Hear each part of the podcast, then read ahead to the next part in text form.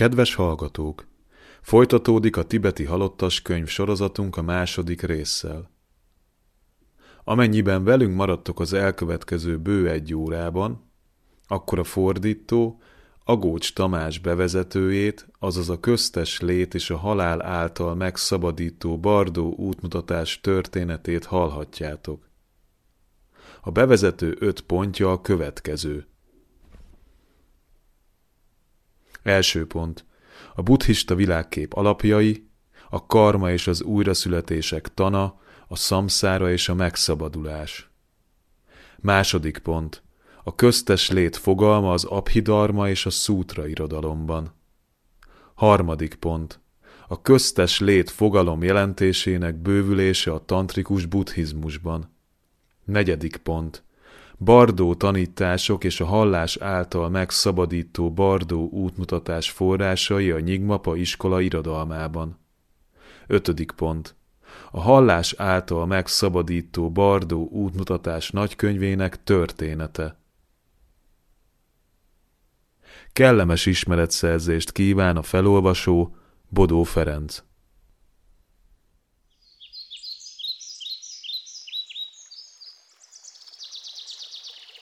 Üzenet az őzek ligetéből.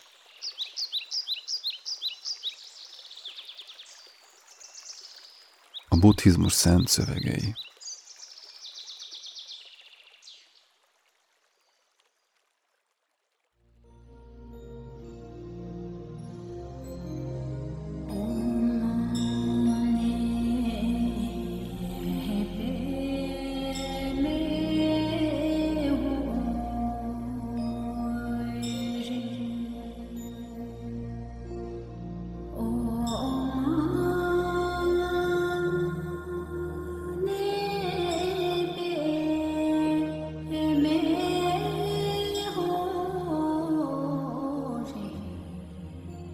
Bevezető A köztes lét és a hallás által megszabadító Bardó útmutatás története.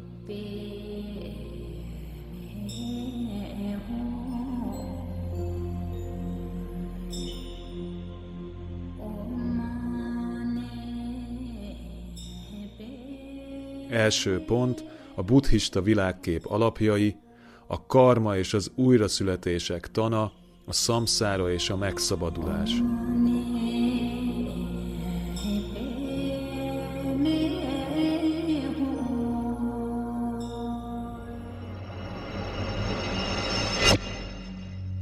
A buddhista létszemlélet szerint a világ folytonosan változó, szenvedéssel teli körforgás, amelyet szamszárának, létforgatagnak neveznek.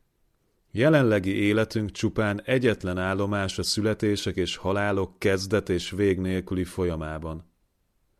Az újraszületések láncolata végső soron a nem tudásra, a valóság és a létezés természetének nem értésére vezethető vissza, arra, hogy valamiféle maradandó önvalót, szanszkrítul átmant, valódi lényeget feltételezünk a folyamatosan áramló jelenségvilág mögött.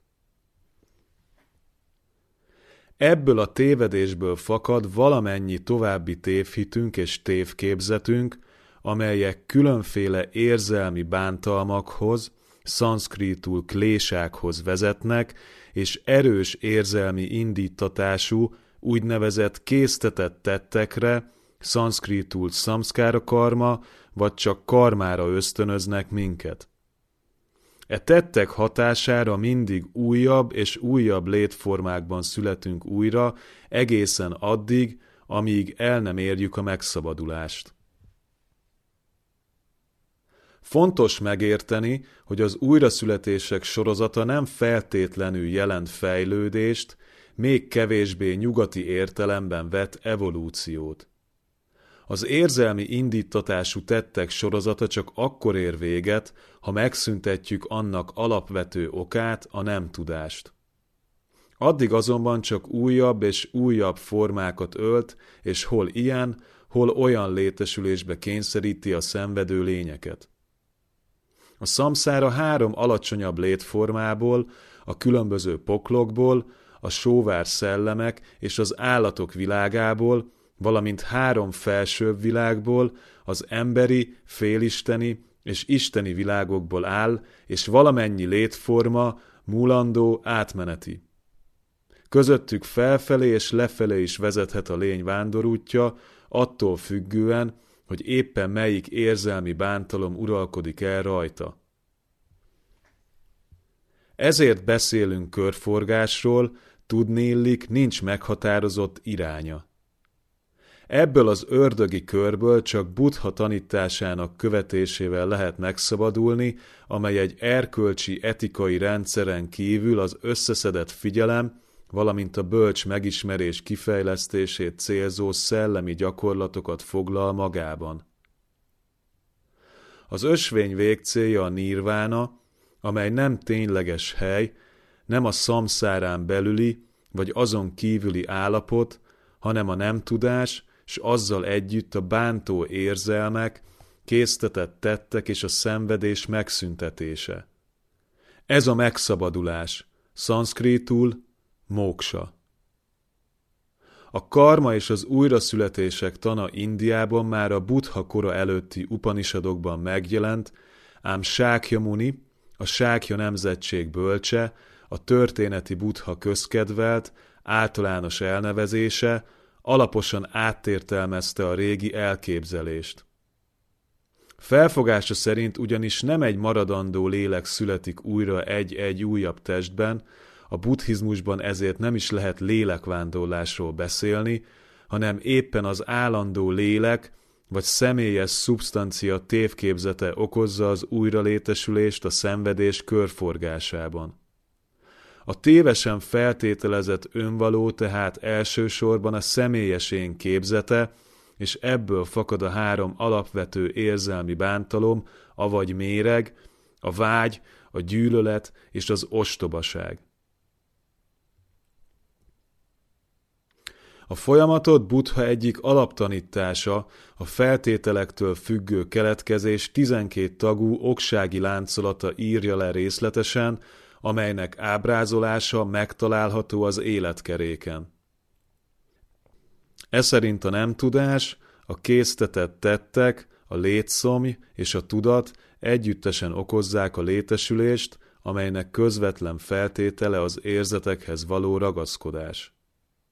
Hogy ki vagy mi születik újra, ha nincs személyes önvaló, arra a buddhista szövegek nem adnak egyértelmű magyarázatot, ám ugyanakkor szemléletes hasonlatokkal érzékeltetik a folyamat mikéntjét.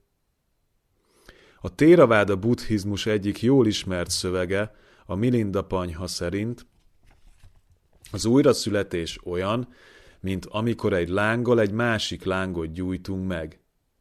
Az egyik láng nem vándorol át a másik lángba, mégis az egyik váltja ki a másikat. Hasonlóképpen múltbeli életünk oka csupán a jelenleginek, mint ahogy ez is a következőnek. A tizenkét tagú oksági láncolattal foglalkozó buddhista szent irat, a Rispalánta szútra, Sálisztamba szútra a következőképpen fogalmaz. Olyan ez, az újraszületés, mint amikor az arc képét látjuk a tiszta tükörben. Az arc nem megy át a tükörbe, a képét mégis tapasztaljuk, mert megvannak az okok és feltételek. A feltételektől függő keletkezés értelmében nincs valódi újraszületés, csak az egymást feltételező lételemek összjátéka kelti a tovább létesülés és a létforgatag látszatát. A megszabadulás e szerint nem más, mint annak felismerése, hogy az élet és halál nem valóságos, csupán látszatszerű.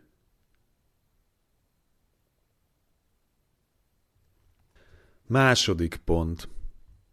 A köztes lét, Antarábava fogalma az Abhidarma és a Szútra irodalomban. Mivel Buddha tanításai az életben elérhető megszabadulást célozták, beszédeiben igen kevés szó esik arról, hogy milyen tapasztalatokon esik át az ember a halála után, és hogyan kerül, amennyiben nem szabadul meg, egy újabb születésbe. Ezért aztán a korai buddhista iskolák sokat vitáztak egymás között azon, hogy van-e átmenet a halál és az újraszületés között, vagy pedig a halál pillanatában azonnal következik-e be az új fogantatás. Az újraszületés bekövetkeztét ugyanis egyértelműen a fogantatás pillanatával azonosították. A Téraváda iskola például nem fogadta el a köztes lét, azaz antarábava létezését, mondván, hogy buddha tanításaiban ilyen nem szerepel. A Szarvásztiváda és Szautrántika iskola viszont amellett érvelt, hogy Buddha bizonyos kijelentései alapján következtetni lehet a köztes időszak létezésére. Ez utóbbi iskolák álláspontját összegezte Vasubandu, időszámításunk szerint 4.-5. század, enciklopédikus műve, az Abhidarma Kósa Básja harmadik fejezetében, mely a világ leírását tartalmazza. E fejezetben Vasubandu az élőlények egyéni életciklusának négy fázisát különbözteti meg. A születést, a születéstől a halál pillanatáig tartó időszakot, a halál pillanatát, valamint a halál és a következő születés közti köztes létet. Az utóbbiról szóló részben Vasubandu igyekszik logikailag alátámasztani a köztes lét illetve a köztes lény, azaz antarábava létezését, és ezzel egyszer mint kodifikálni az azzal kapcsolatos tantételeket.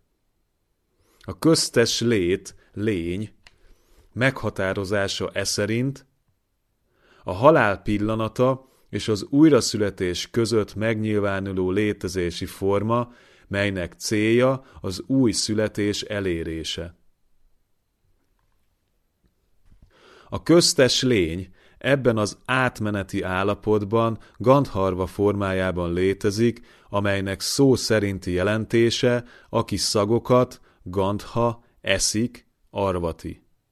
A Gandharva létezését maga Buddha állította, amikor kijelentette, hogy három feltétel szükséges egy élőlény fogantatásához. A leendő szülők közösülése, az anya fogamzóképes állapota és a Gandharva jelenléte.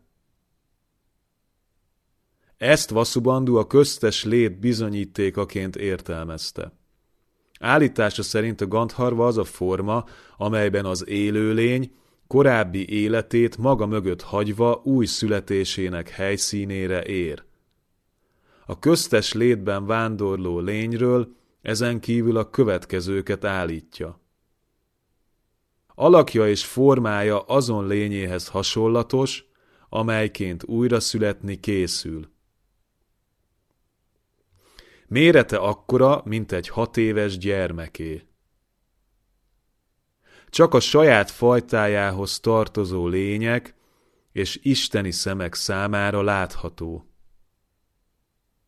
Érzékszervei tökéletesen működnek, és nem lehet eltéríteni.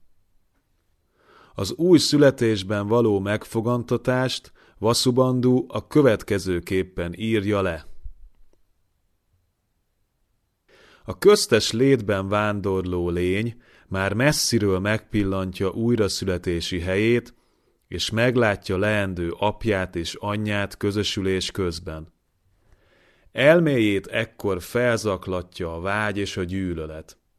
Ha a köztes lény hímnemű, akkor az anya iránt nemi vágy, a vetélytársnak vélt apa iránt pedig gyűlölet keríti hatalmába. Ha nőnemű, akkor fordítva. Amikor tudatát e két tévképzet elborítja, közösülés utáni vágyától hajtva a két nemi szerv csatlakozási pontjához tapad, miközben azt képzeli, hogy vele történik az aktus.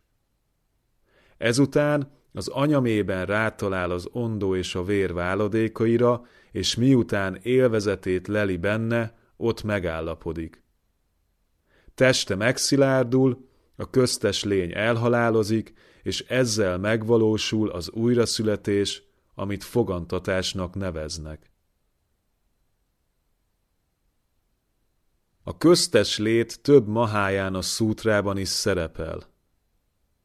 Az anyamébe kerülés szútrája, Garbháva Kránti Nirdés a szútra, a halál utolsó pillanatától az anyamében történő megfogantatásig, majd a magzatfejlődés hétnapos szakaszain át egészen a megszületésig mutatja be a köztes lény vándorútját.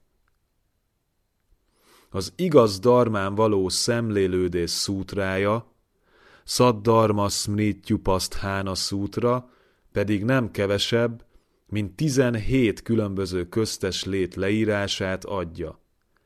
Ezekben egyrészt szerepelnek az Abhidarma irodalomból jól ismert részletek, ugyanakkor a korábbihoz képest új motívumokat is tartalmaznak.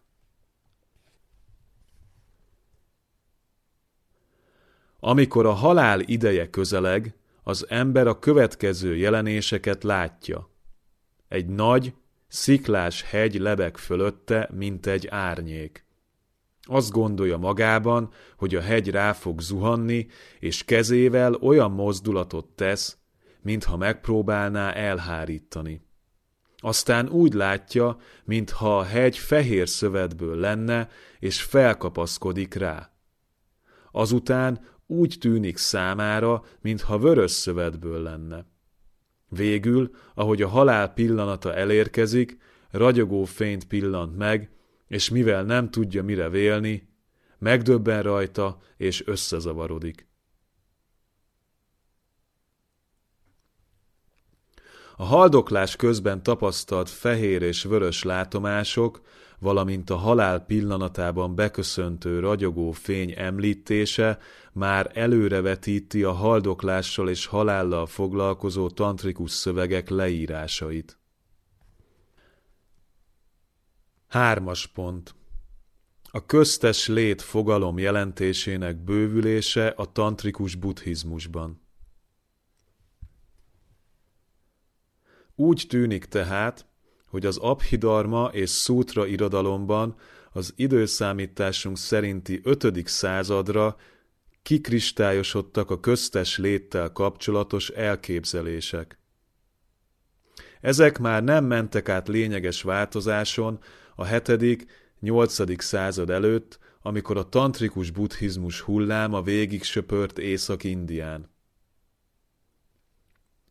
A tantrikus gyakorlatokat kidolgozó szithák mozgalma beemelte, újraértelmezte és új részletekkel gazdagította a korábbi elképzeléseket, hogy közvetlenül a megszabadulás gyakorlati céljainak szolgálatába állítsa a köztes lét elméletét. E fejlemények egyik legszembetűnőbb vonása, hogy kibővítették a fogalom jelentéskörét, és többféle köztes létet kezdtek megkülönböztetni. Az egyéni életciklus Vasubandhu által leírt négy szakaszát összehangolták a Mahájána buddhizmus három buddha testről, trikája alkotott elképzelésével.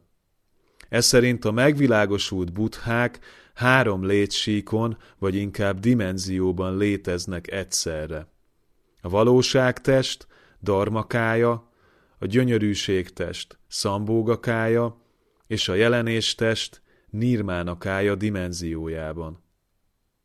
A három buddha testtel és a köztes léttel kapcsolatos elképzelések kombinációját beillesztették egy összetett tantrikus jogarendszerbe, amelyet az új tibeti rendek később legfelsőbb jogatantrának, azaz Anuttara jogatantrának neveztek el. A legfelsőbb jogatantra gyakorlatai a három buddhatest ösvényre vitele elvén alapulnak, melynek során a halál élményét valóságtesté, a köztes létet gyönyörűségtesté, az újraszületést pedig jelenéstesté alakítják át.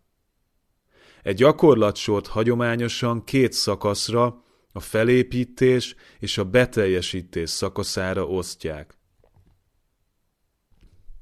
A felépítés szakasza tibetiül kjerim, szanszkrítul utpannakrama, egy sor meditációs technikát foglal magában, melyeknek célja a közönséges formák, hangok és gondolatok érzékelésének átalakítása bizonyos istenségek, mantrák és bölcsességek kifejeződéseivé.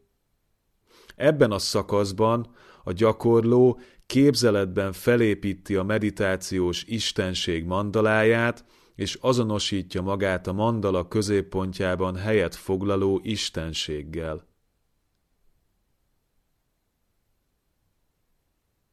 A beteljesítés szakaszában tibetiül zogrim, szanszkritul sampannakrama, a finomtest csatornáiban keringő életszelekkel és cseppekkel végez bonyolult jóga műveleteket, melyek többek között a halálélményhez hasonlatos, különleges tudatállapotokat eredményeznek. Ezek segítségével hajtja végre a három test tényleges ösvényre vitelét, melynek során a három buddhatest egységének tapasztalatában oldja fel a közönséges halál, közteslét és újraszületés hármasságát. A köztesléttel, tibetiül bardóval kapcsolatos tibeti tanításokat tehát e kétszintű tantrikus gyakorlatrendszer fogalmi keretei között kell értelmezni. A Tibetben legelterjedtebb bardó tanítások két híres indiai mahászíthára, Tilópára és Narópára vezethetők vissza, körülbelül tizedik század. Tilópa, aki Narópa mestere volt, az alábbi rövid szövegben foglalta össze tanítványának a köztes léttel kapcsolatos útmutatásokat. Amikor a jógi meghal, az érzékszervi erőket és az elemeket összevonja, a nap és a hold életenergiáit a szívközpontban gyűjti össze, amitől különleges tudatállapotok nyilvánulnak meg. Amikor a tudat külső tárgyakra irányul, mindent olyannak lát, mint az álom.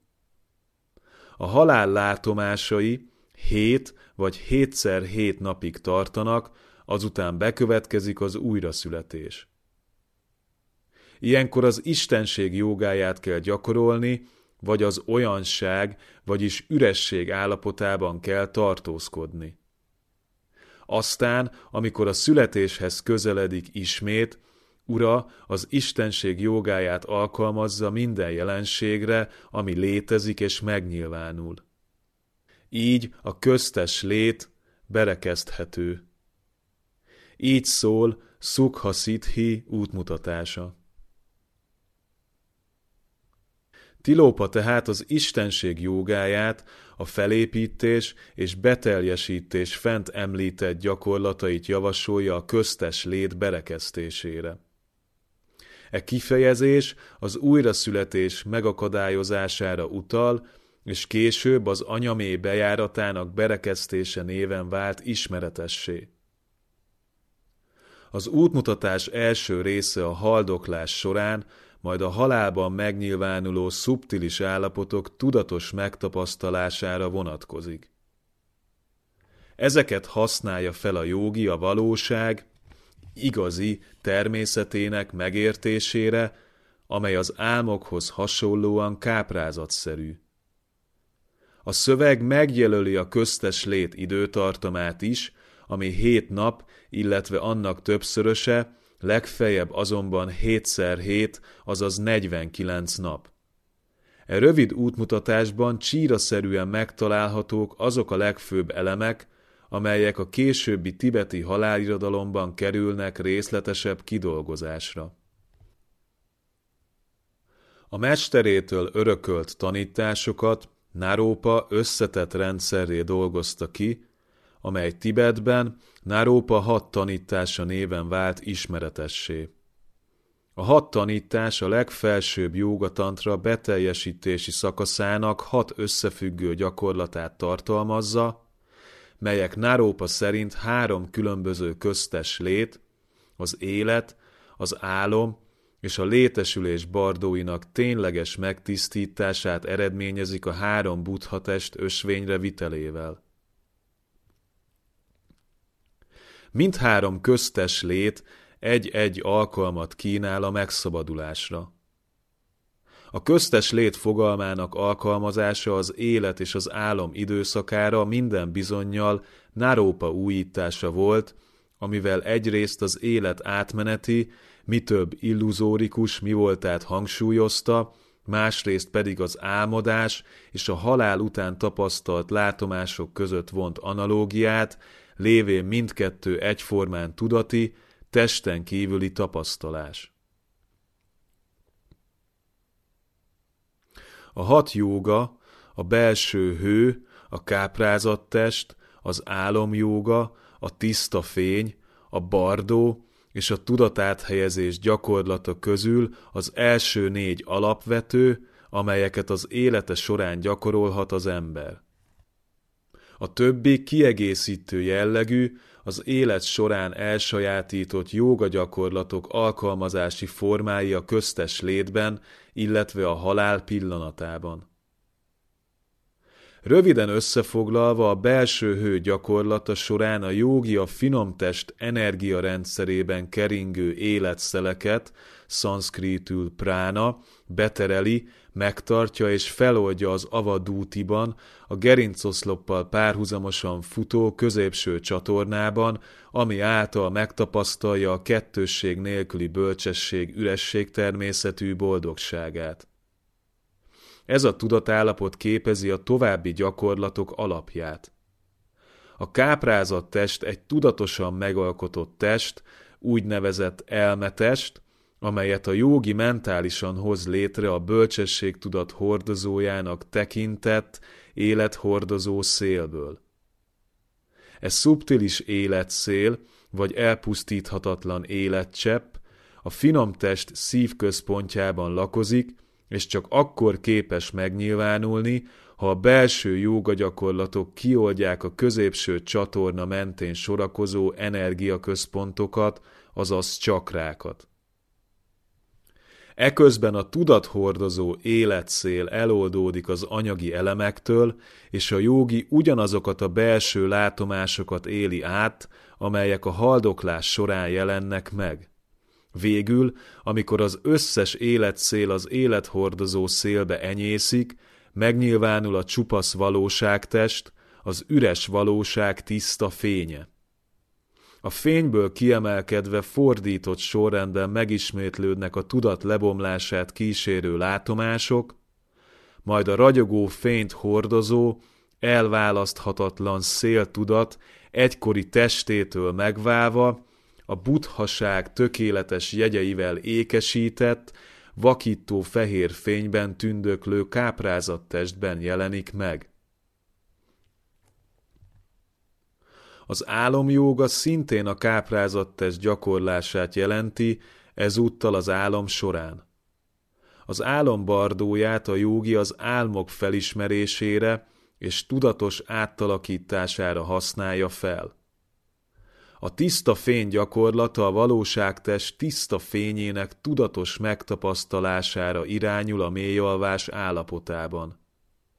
Amikor aztán bekövetkezik a halál, a tapasztalt jogi ezt a fényt ismeri fel a halála pillanatában, és a felismerés hatására az anya tiszta fény elválaszthatatlanul elvegyül a fiú tiszta fényjel. Az anya a valóságtest halálkor megnyilvánuló tiszta fénye, a fiú pedig az ösvény, vagyis a jogi tudatának tiszta fénytermészete, amelyel a gyakorlása során megismerkedett. Amikor a tudathordozó szél különválik a fizikai testtől, a jogi a káprázattest jogáját gyakorolja, vagyis az istenség képében, az istenség megnyilvánulásaiként szemléli a köztes lét megtévesztő látomásait. Ha e módszerek egyikével sem sikerülne elérni a megszabadulást, akkor az anyamé bejáratának elrekesztésével igyekszik meggátolni az újraszületést, vagy az anyamé tudatos megválasztásával igyekszik a lények javát szolgálni. A megszabadulás e három lehetősége a három buddha való azonosulással függ össze, a halál pillanata a valóságtesttel, a létesülés bardója a gyönyörűségtesttel, a születés pedig a jelenéstesttel való azonosulás lehetőségét kínálja fel a gyakorlónak. Végül a tudatáthelyezés gyakorlata a halott tudatának áthelyezését jelenti a halál pillanatában valamelyik buddha testbe, amit a meditációban jártas jogi önmagán vagy másokon is elvégezhet.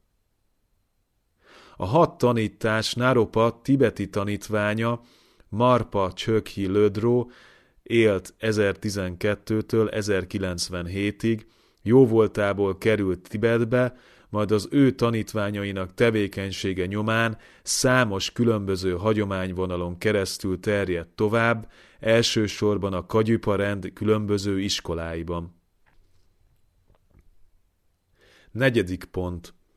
Bardó tanítások és a hallás által megszabadító Bardó útmutatás forrásai a Nyingmapa iskola irodalmában. A 11.-12. század mozgalmas időszak volt a tibeti buddhizmus történetében. Ez volt a dharma elterjedésének későbbi időszaka, a buddhizmus Indiából való behozatalának második nagy hulláma, amelynek nyomán az új rendek, köztük a kagyupa is létrejöttek. Ám ugyanebben az időben kezdett szervezett formát ölteni a tibeti buddhizmus másik nagy irányzata, a régi rend, azaz Nyingmapa hagyománya is, amely a darma elterjedésének korábbi időszakára vezette vissza eredetét. Míg az új iskolák Indiából hoztak be és fordítottak le újabb és újabb tantrákat, melyek alapján kialakították sajátos vallásfilozófiai és gyakorlati rendszereiket, addig a régiek a saját régi tantráikat ápolták és gyűjtötték össze. Ez szövegek és a bennük foglalt tanítások eredete nagyrészt mindmáig homályos. Egyes kutatók szerint a Tibet történetének úgynevezett sötét időszakában élt indiai és tibeti jogik tevékenységére vezethetők vissza, akik egy már fennálló hagyományra, a Tri Songdecen császár élt 740-től 798-ig korában Padmasambhava és mások által megalapozott tantrikus hagyományra építkeztek. A régi tantrák többségét az új iskolák nem tartották hiteles, indiai eredetű szövegeknek, és ezért a tibeti kánon, a kangyúr tantrikus szöveggyűjteménye helyett egy alternatív tantrikus kánonban, a régiek tantrikus gyűjteményében lettek összegyűjtve. A régiek tantrikus gyűjteménye a Nyingmapa iskola sajátos tantra osztályait, a három belső jóga alapszövegeit tartalmazza. Mint említettük, az új rendek a legfelsőbb jogatantra osztályába sorolták legmagasabb rendűnek tartott tantrikus tanításaikat. A régiek ennek helyébe a maguk hármas rendszerét, a mahájóga, anujóga, atijóga hármasságát állították. A hagyományos meghatározás szerint a mahájóga a tantrikus meditáció felépítő szakaszára, az anujóga pedig annak beteljesítési szakaszára helyezi a hangsúlyt. Végül a legmagasabb rendűnek tartott tanítás, az atijóga vagy dzogchen, azaz nagy teljesség tanítása, az erőfeszítés mentes cselekvést hangsúlyozza, amely a megvilágosult tudat eleve meglevő tökéletességén alapszik. E három belső tantraosztály, különösen a mahájóga és az atijóga szövegei között találhatjuk meg a Nyigmapa iskola köztes léttel kapcsolatos tanításainak, így a hallás által megszabadító Bardó útmutatás nagykönyvének kanonikus forrásait is.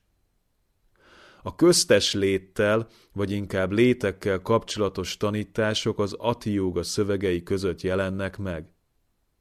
E legbelsőbb tantraosztály alapszövegeit három sorozatra, a tudattal, a térrel kapcsolatos, valamint a titkos útmutatásokat tartalmazó tanítások sorozataira osztották, amely hármasság a legfrissebb filológiai kutatások szerint egy időbeli fejlődési folyamat főbb állomásait jelzi. A köztes lét témája a térrel kapcsolatos tanítások sorozatához tartozó szövegekben jelenik meg először. A becses kiterjedés nagy tantrája a köztes létek hármas rendszerét mutatja be, mely lényegében azonos a Nárópa hat tanításának alapját képező hármassággal. E köztes létek szorosan összefüggnek, mert amit az ember az élet természetes bardójában megtapasztal, az merül fel benne karmikus hajlamok formájában az álom során, és az annak megfelelő eredményt valósítja meg a létesülés bardójában. Ha az ember élete során gyakorolja a szemlélődést Buddha gyönyörűségtestben megnyilvánuló alakjain, akkor azok meg fognak jelenni az álmában, majd a halál utáni látomásaiban is. A Longde, azaz tér sorozat egy másik szövege, a becses felfelé ívelő ösvényt lefektető tantra, a fenti három köztes lét mellett többek között a fénylő valóság bardóját is felsorolja, ám nem fejti ki bővebben a jelentését. A köztes létek legkidolgozottabb elméleteit és gyakorlatait az Ati titkos útmutatásokat tartalmazó sorozatának szövegei között találjuk.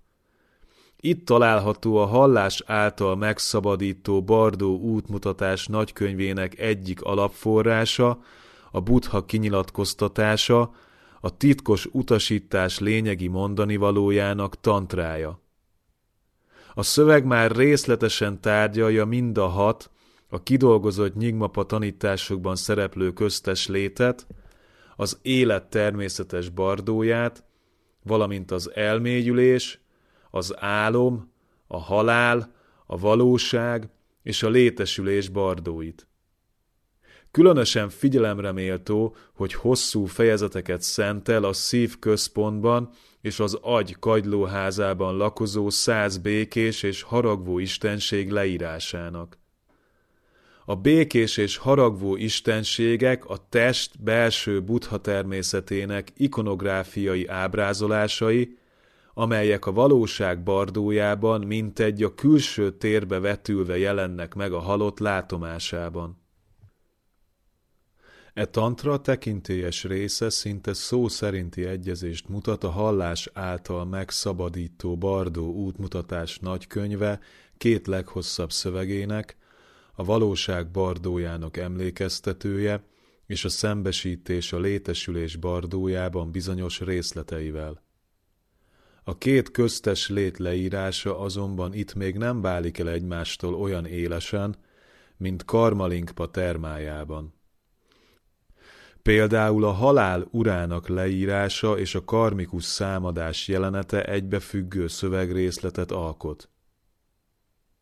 Ha a haragvó istenségekben nem ismered fel a saját képmásaidat, akkor közvetlenül a halál után, a valóság bardójában, a halál urának, a törvény királyának alakját öltik.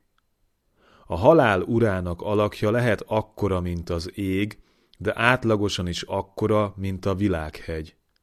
Felső fogsora alsó ajkába mélyed, két szeme, mintha üvegből lenne, haja varkocsba fonva, pocakja hatalmas, a nyaka pedig vékony.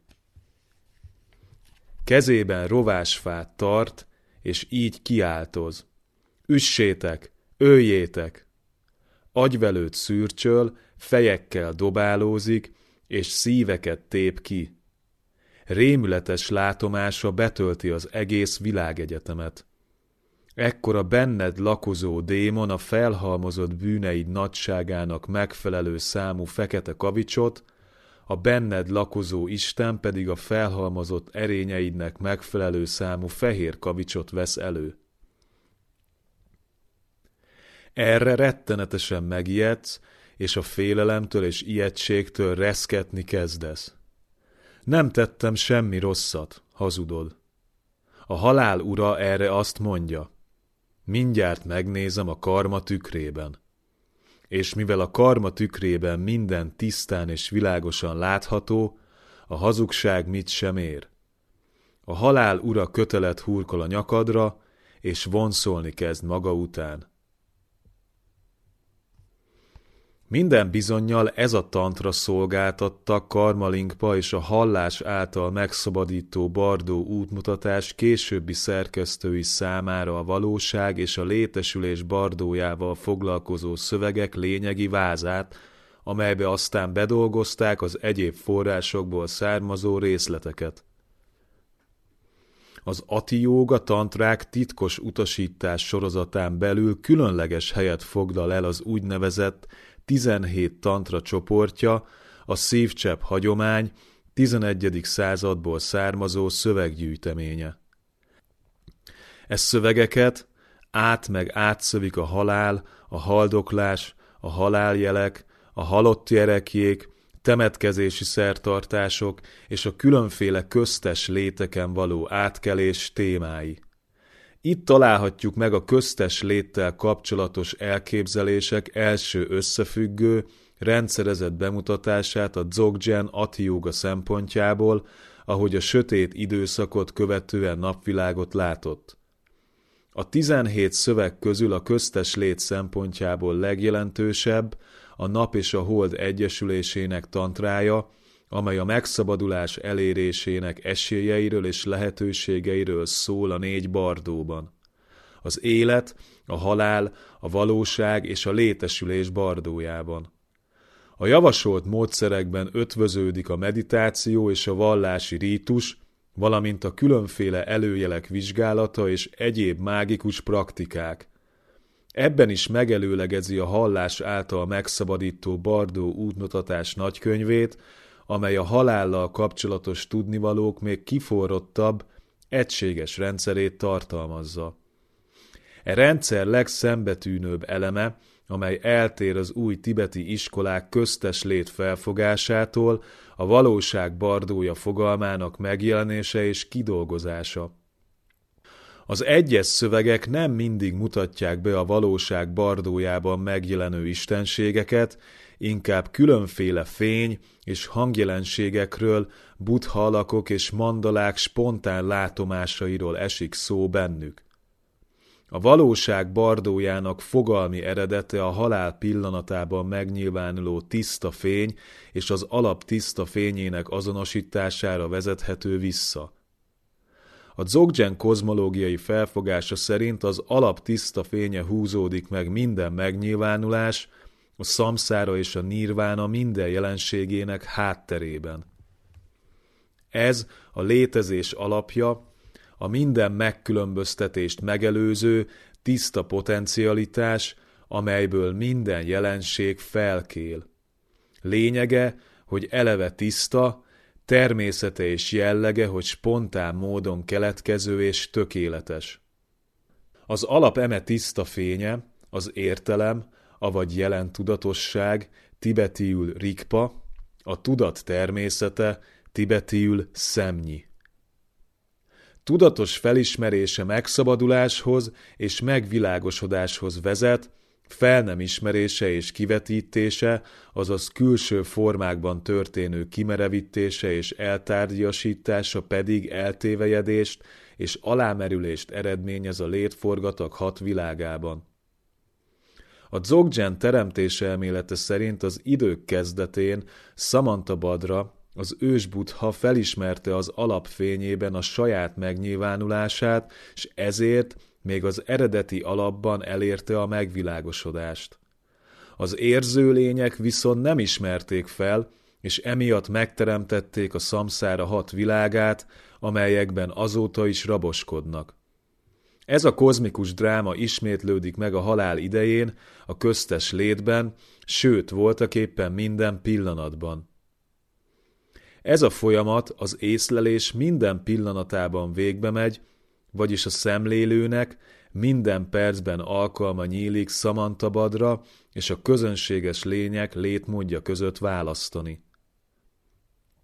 A különböző köztes létek a Dzogchen felfogásában mindezt a választási lehetőséget kínálják fel az ember és az összes érzőlény számára.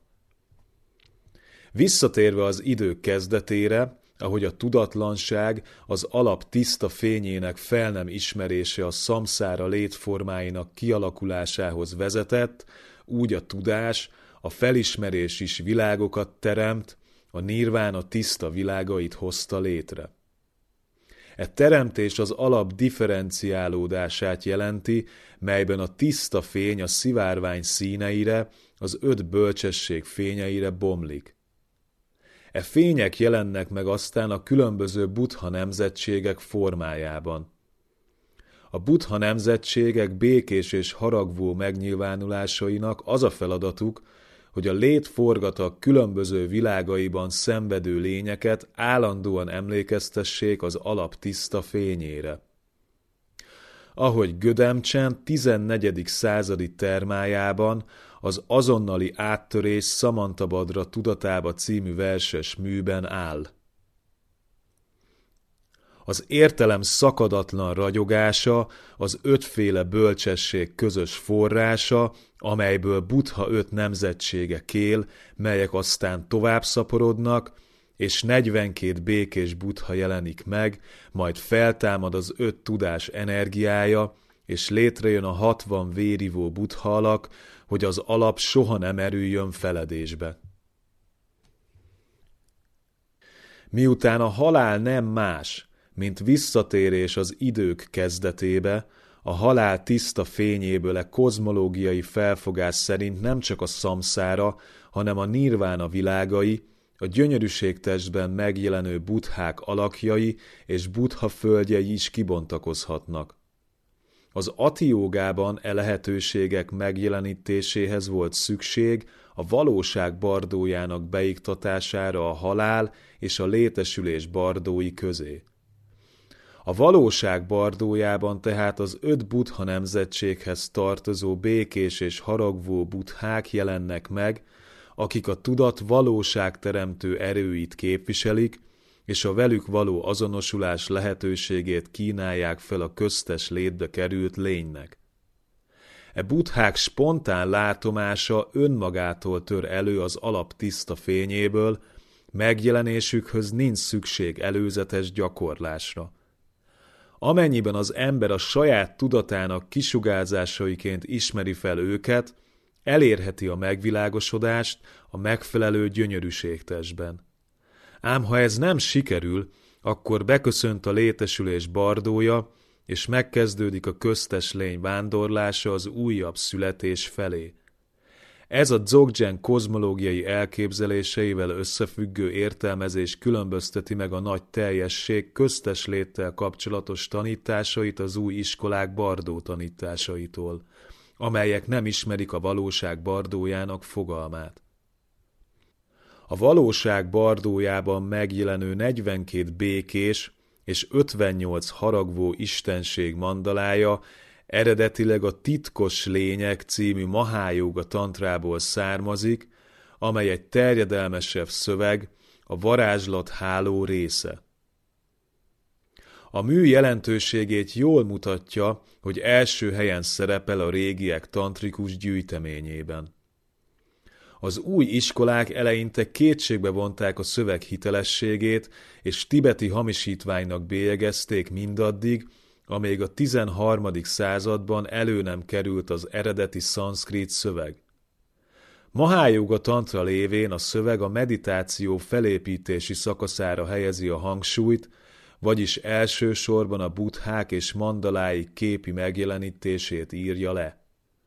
A szöveg hosszabb változatának 82 fejezete közül az első 28 a békés istenségek megjelenéséről szól, a további 54 pedig a haragvó istenségek mandaláját tárgyalja. E békés és haragvó istenségek, mint a fenti szövegben is olvashattuk, az öt buddha nemzetségen belüli továbbszaporodással keletkeztek, és a létezés szubjektív és objektív elemeinek természetes tisztaságát, valamint azok átalakítását jelképezik. Az istenségek felsorolása lényegében megegyezik a valóság bardójának emlékeztetőjében szereplő istenségekével, ám lényeges különbségek is akadnak köztük. A titkos lényeg Vajrócson a buddha helyett Vajraszatva aksóbját állítja a békés istenségek mandalájának központjába, a bódhiszatvákat másképp nevezi meg, a tudásőrzőket nem említi, és a haragvó dákinik felsorolásánál is számos eltérést mutat. Ötödik pont. A hallás által megszabadító Bardó útmutatás nagykönyvének története. A hallás által megszabadító Bardó útmutatás a Nyigmapa rend sajátos irodalomtípusához, a terma irodalomhoz tartozik.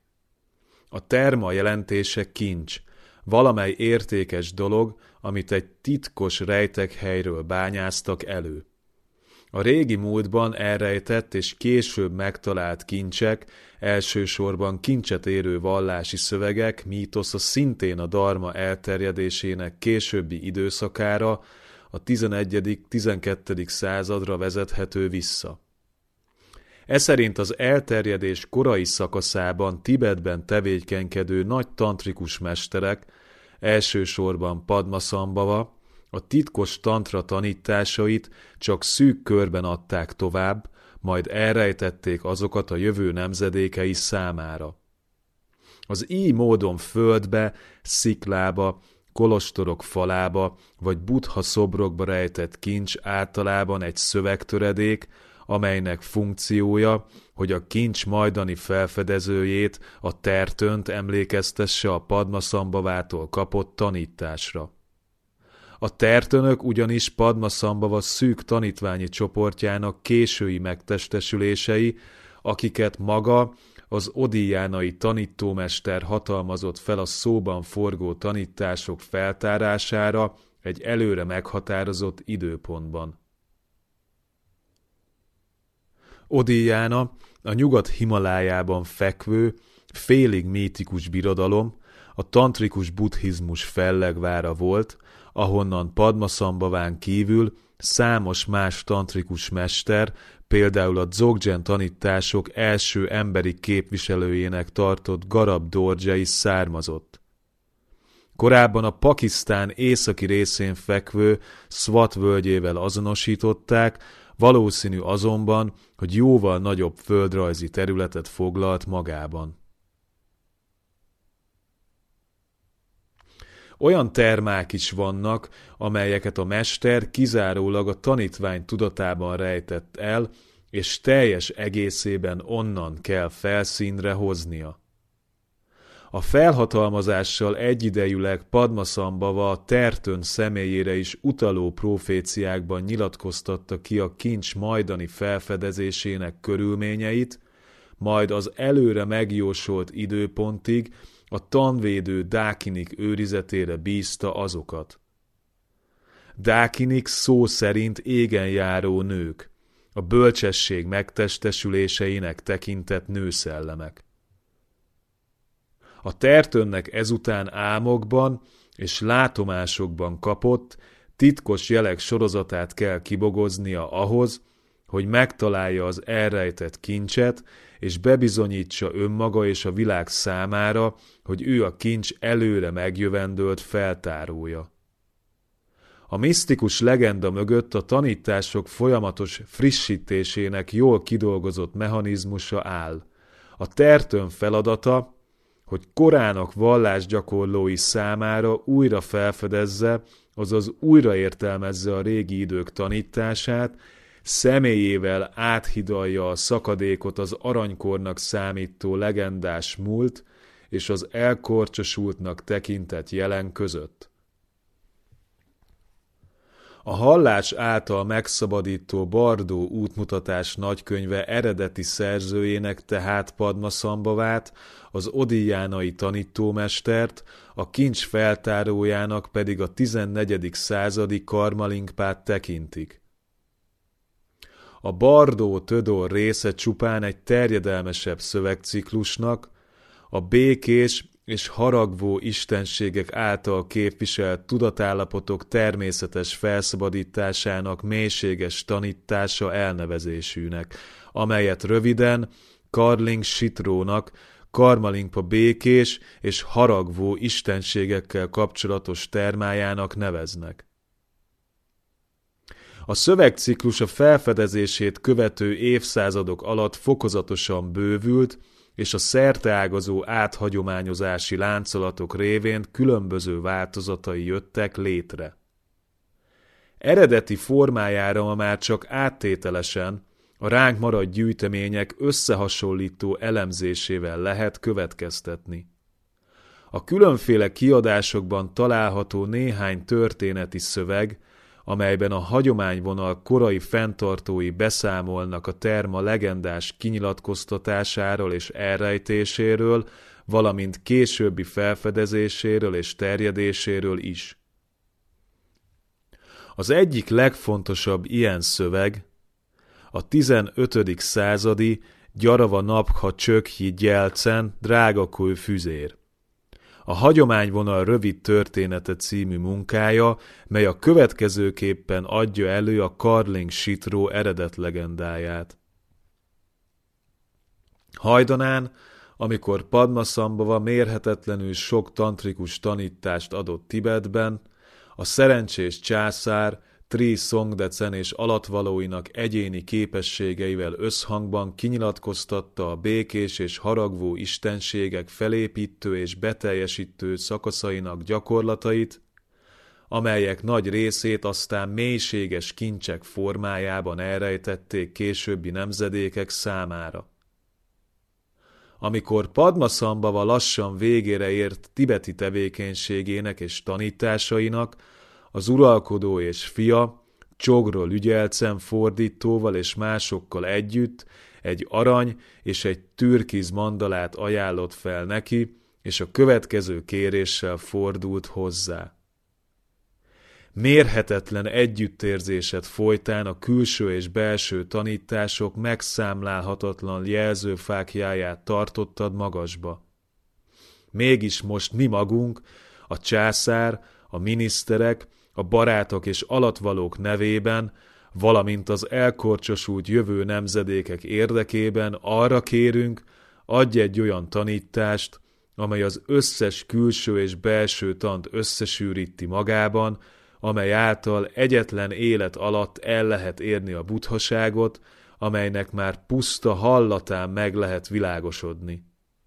Kérünk, adj egy rövid és mély tanítást a darma lényegéről.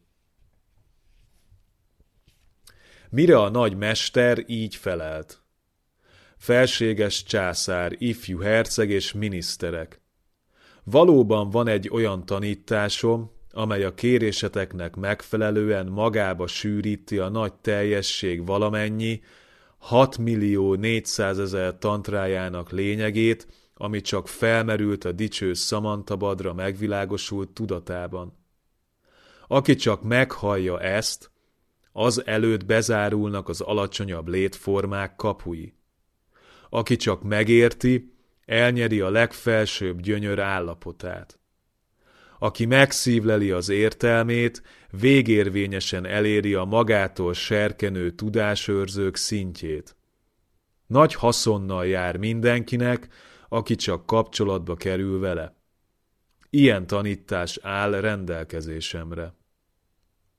Ám könnyen meg lehet, hogy a gyenge felfogásúak, akik alacsonyabb szintű tanításokra és gyakorlatokra vágynak, vagy hamis nézeteket táplálnak, leszólnák és becsmérelnék e tanítást, és emiatt alacsonyabb létformákba születnének. Ezért még véletlenül se hirdessétek senkinek. Elásott kincsként földbe kell rejteni az elkorcsosult jövő nemzedékek szerencsés ivadékai számára. Így esett, hogy ezt a tanítást, amely az összes tanítás lényegét magába sűríti, a békés és haragvó istenségek által képviselt tudatállapotok természetes felszabadításának mélységes tanítása címet adta, és csokról ügyelcen a fordító szellemi hagyatékára bízta. Majd megvilágosult tudatát a csekély érdemmel rendelkező, elkorcsosult jövőbeli nemzedékekre irányítva, kincs formájában elrejtette a Dakpóban lévő Gampodar hegyen, amely egy táncoló istennőre emlékeztet. Figyelemre méltó, hogy a szöveg Padmasambhava tibeti tanítói pályafutásának csúcspontjaként mutatja be a Karling Sitró hagyomány átadását, amely összesűríti az összes külső és belső tanítás, és különösképpen az összes Dzogchen tantra lényegét, melyeket egyenesen Samantabadra, az ős buddha megvilágosult tudatából származtattak. E tanítás annyira mély, hogy az emberek többsége nem lenne képes felfogni, hanem rágalmaznák.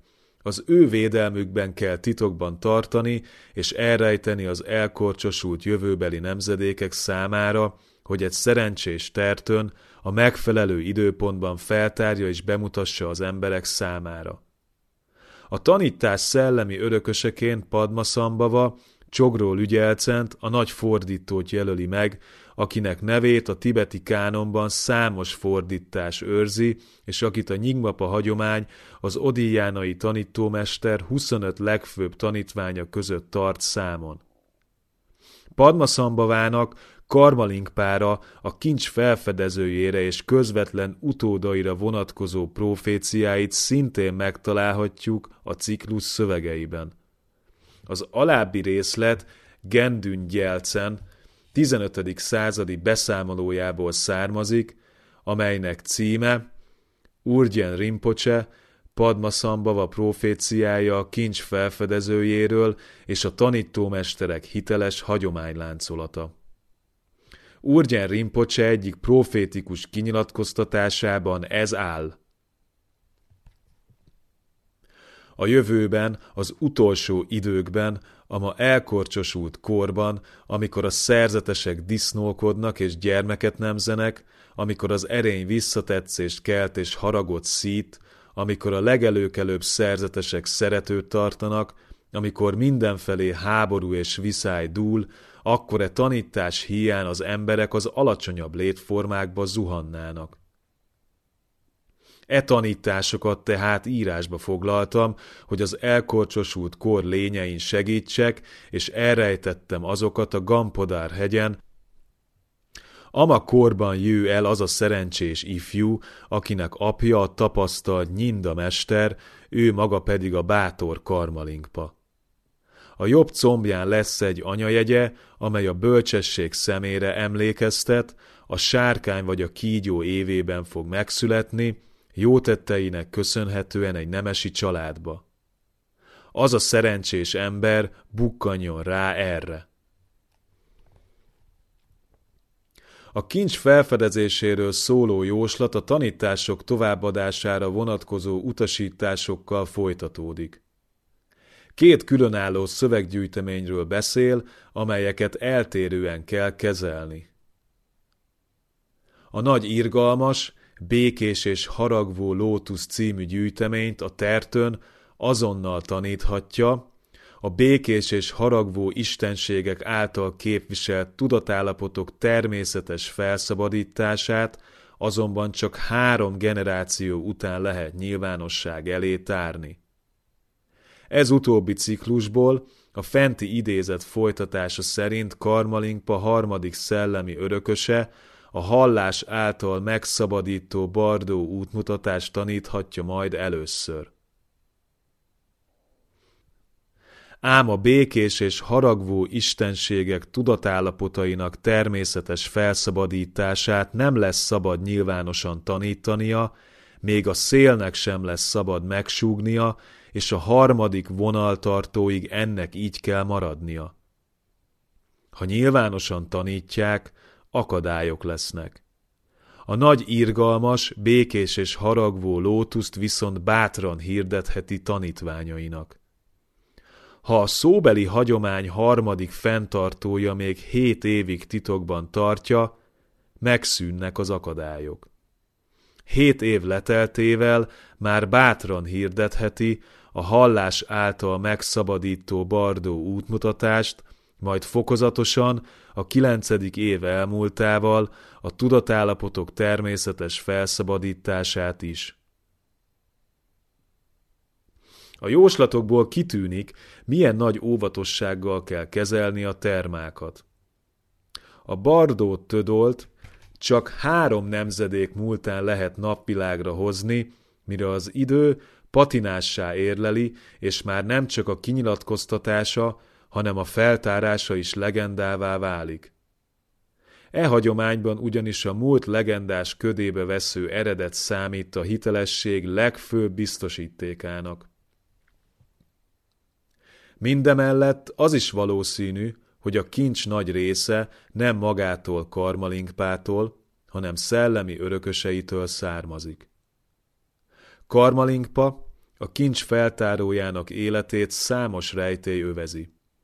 Születésének és halálának időpontját nem ismerjük, csak annyit tudunk róla, hogy a 14. században élt. A források szerint a dél-tibeti Dakpó tartomány keleti részén született. Noha a vidék a Karma Kagyupa, a Narópa tanításait fenntartó Kagyupa rend főágának felségterülete alá tartozott, Karmalingpa Nyigmapa családba született. Apja, Nyinda Szandje, híres tantrikus jogi, maga is kincsfeltáró hírében állott. Padmasambhava tudatáthelyezésről szóló titkos tanítását hozta felszínre a fekete mandala. Tanítói és patrónusai minden bizonyal a karma kagyupa rendhez tartoztak, az ő tiszteletükre adhatta elsőszülött fiának a karmalingpa, azaz karmaföldi nevet. A fiú 15 éves korában apja segítségével találta meg Padmasambhava kincsét a Gampodár hegyen. Úgy tűnik, a kincskeresés családi hagyományuk volt. A békés és haragvó istenségekkel kapcsolatos sitró tanításokat tartalmazó kincseket a korábban idézett jóslat utasításainak megfelelően két nagyobb gyűjteményre osztották, amelyek közül a nagy írgalmas, békés és haragvó lótuszt azonnal tanítani kezdték, a békés és haragvó tudatállapotok természetes felszabadítását azonban titokban tartották. Az ifjú tertön nem sokáig élvezhette a kincsfeltáró jogiknak járó megbecsülést. A források egyöntetű tanúsága szerint korai halált halt, valószínűleg megmérgezték. A Karling Sitró szövegeit közvetlenül halála előtt fiára, az akkor még gyermek Nyinda csödzsére hagyományozta. A források feljegyzik, hogy Karmalinkpa halála után apja, valamint fia, Nyinda Szandje és Nyinda Csödzse vették kezelésbe az elhunyt hagyatékát, köztük a hallás által megszabadító Bardó útmutatás nagykönyvének elkészült kéziratait, melyeken Karmalinkpa halála napjáig dolgozott. Valószínűleg ők fejezhették be a ciklus központi szövegeinek megalkotását. A hagyományvonal következő fenntartója Nyinda Özer 1409-ben született, és ő is tovább dolgozhatott a gyűjteményen. Karmalinkpa kincseit végül a harmadik vonaltartó Gyarava Napkha Csögyi Gyacó tárhatta először nyilvánosság elé. A Karling Sitró szövegeit a Dakpótól északkeletre fekvő Kongpó tartomány felső vidékén elsősorban a Menmo és Tangdrok kolostorokban kezdte tanítani. A Karling Sitró és a Bardó Tödol tanítások különféle hagyományvonalai, amelyek rövidesen egész Tibetet behálózták, mind gyarava itteni tanítói tevékenységére vezethetők vissza. A különféle átadási vonalak a gyűjtemény többféle változatát fejlesztették ki, miután minden generáció tovább formálta, új szertartás szövegekkel gazdagította a rámaradt tanítást. Voltak, akik aztán a különböző változatokat összevetették és egységesítették. Egy keleti tibeti mester, Rigzi Nyima Drakpa élt 1647-től 1710-ig, életének utolsó éveiben a Tagmogang és Csakru kolostorokból összegyűjtötte a Karmalinkpa ciklusához tartozó szövegeket, és összeállította belőlük a hallás által megszabadító Bardó útmutatás mérvadó antológiáját. A könyv ma ismert formája tehát a 18. század elejéről származik.